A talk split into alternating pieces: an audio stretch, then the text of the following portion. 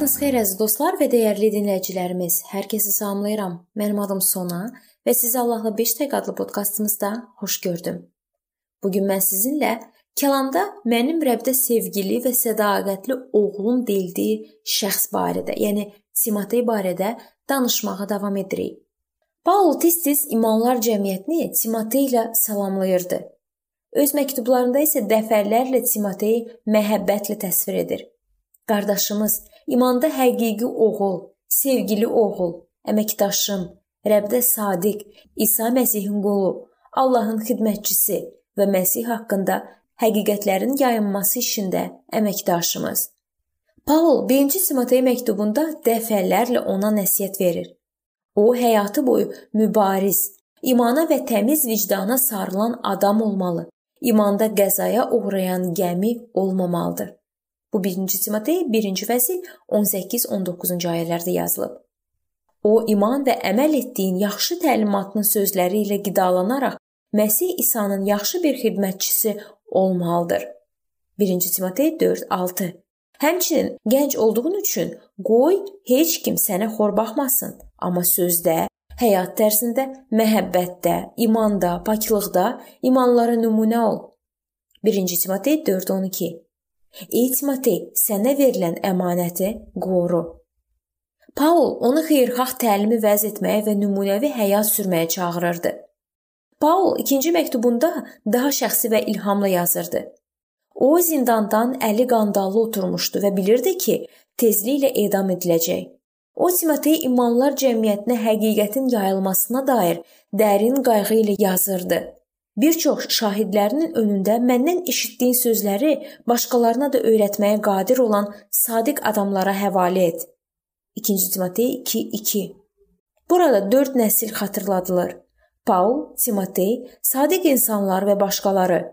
O Timoteyi Məsih İsa'da olan lütflə güclənməyə və Məsih İsa'nın yaxşı əskəri kimi əzaba qatlaşmağa çağırırdı. Axır zamanda çətin dövrlər olacaq və Məsih İsa'da möminliyə yaşayan bir həyat sürmək istəyənlərin hamısı təqibə məruz qalacaq. 2-ci Timotey 3:12. 2-ci Timotey məktubun sonuncu fəslində Paul Timotey təntənəli şəkildə əsl başçı tapşırığı verir. Sonra isə ölməyə hazır olduğu barədə şəhadət edir. Amma başqaları Paulu tək buraxdıqları üçün sevgili oğlunu görmək istəyirdi. Yanıma tez gəlməyə çalış.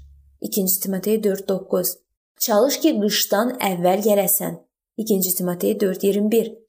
Allah Paulu daşqalaq edildikdən, həbsxanadan, gəmi qəzasından və ilan sancanda sonra xilas etdi. Allah onu bu dəfə də xilas edəcəkmi?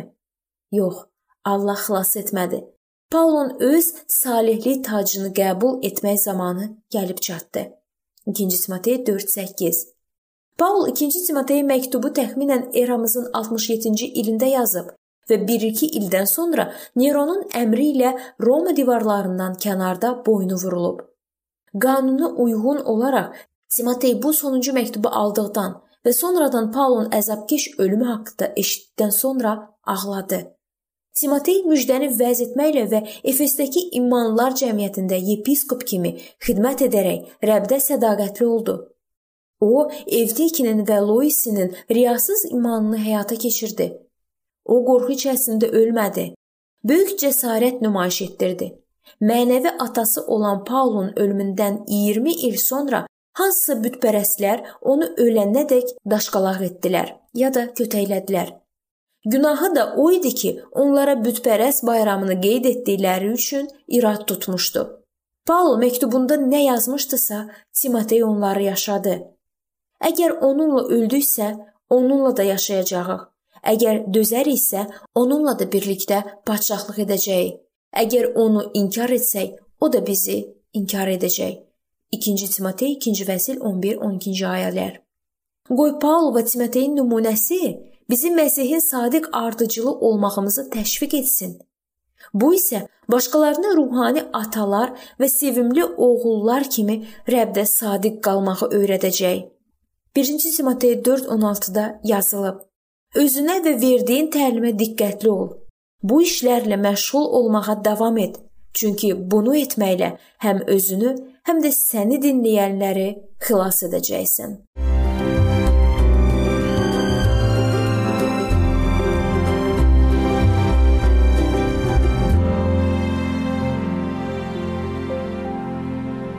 Beləliklə əziz dostlar, bu yerdə bu mövzu sona çatdı.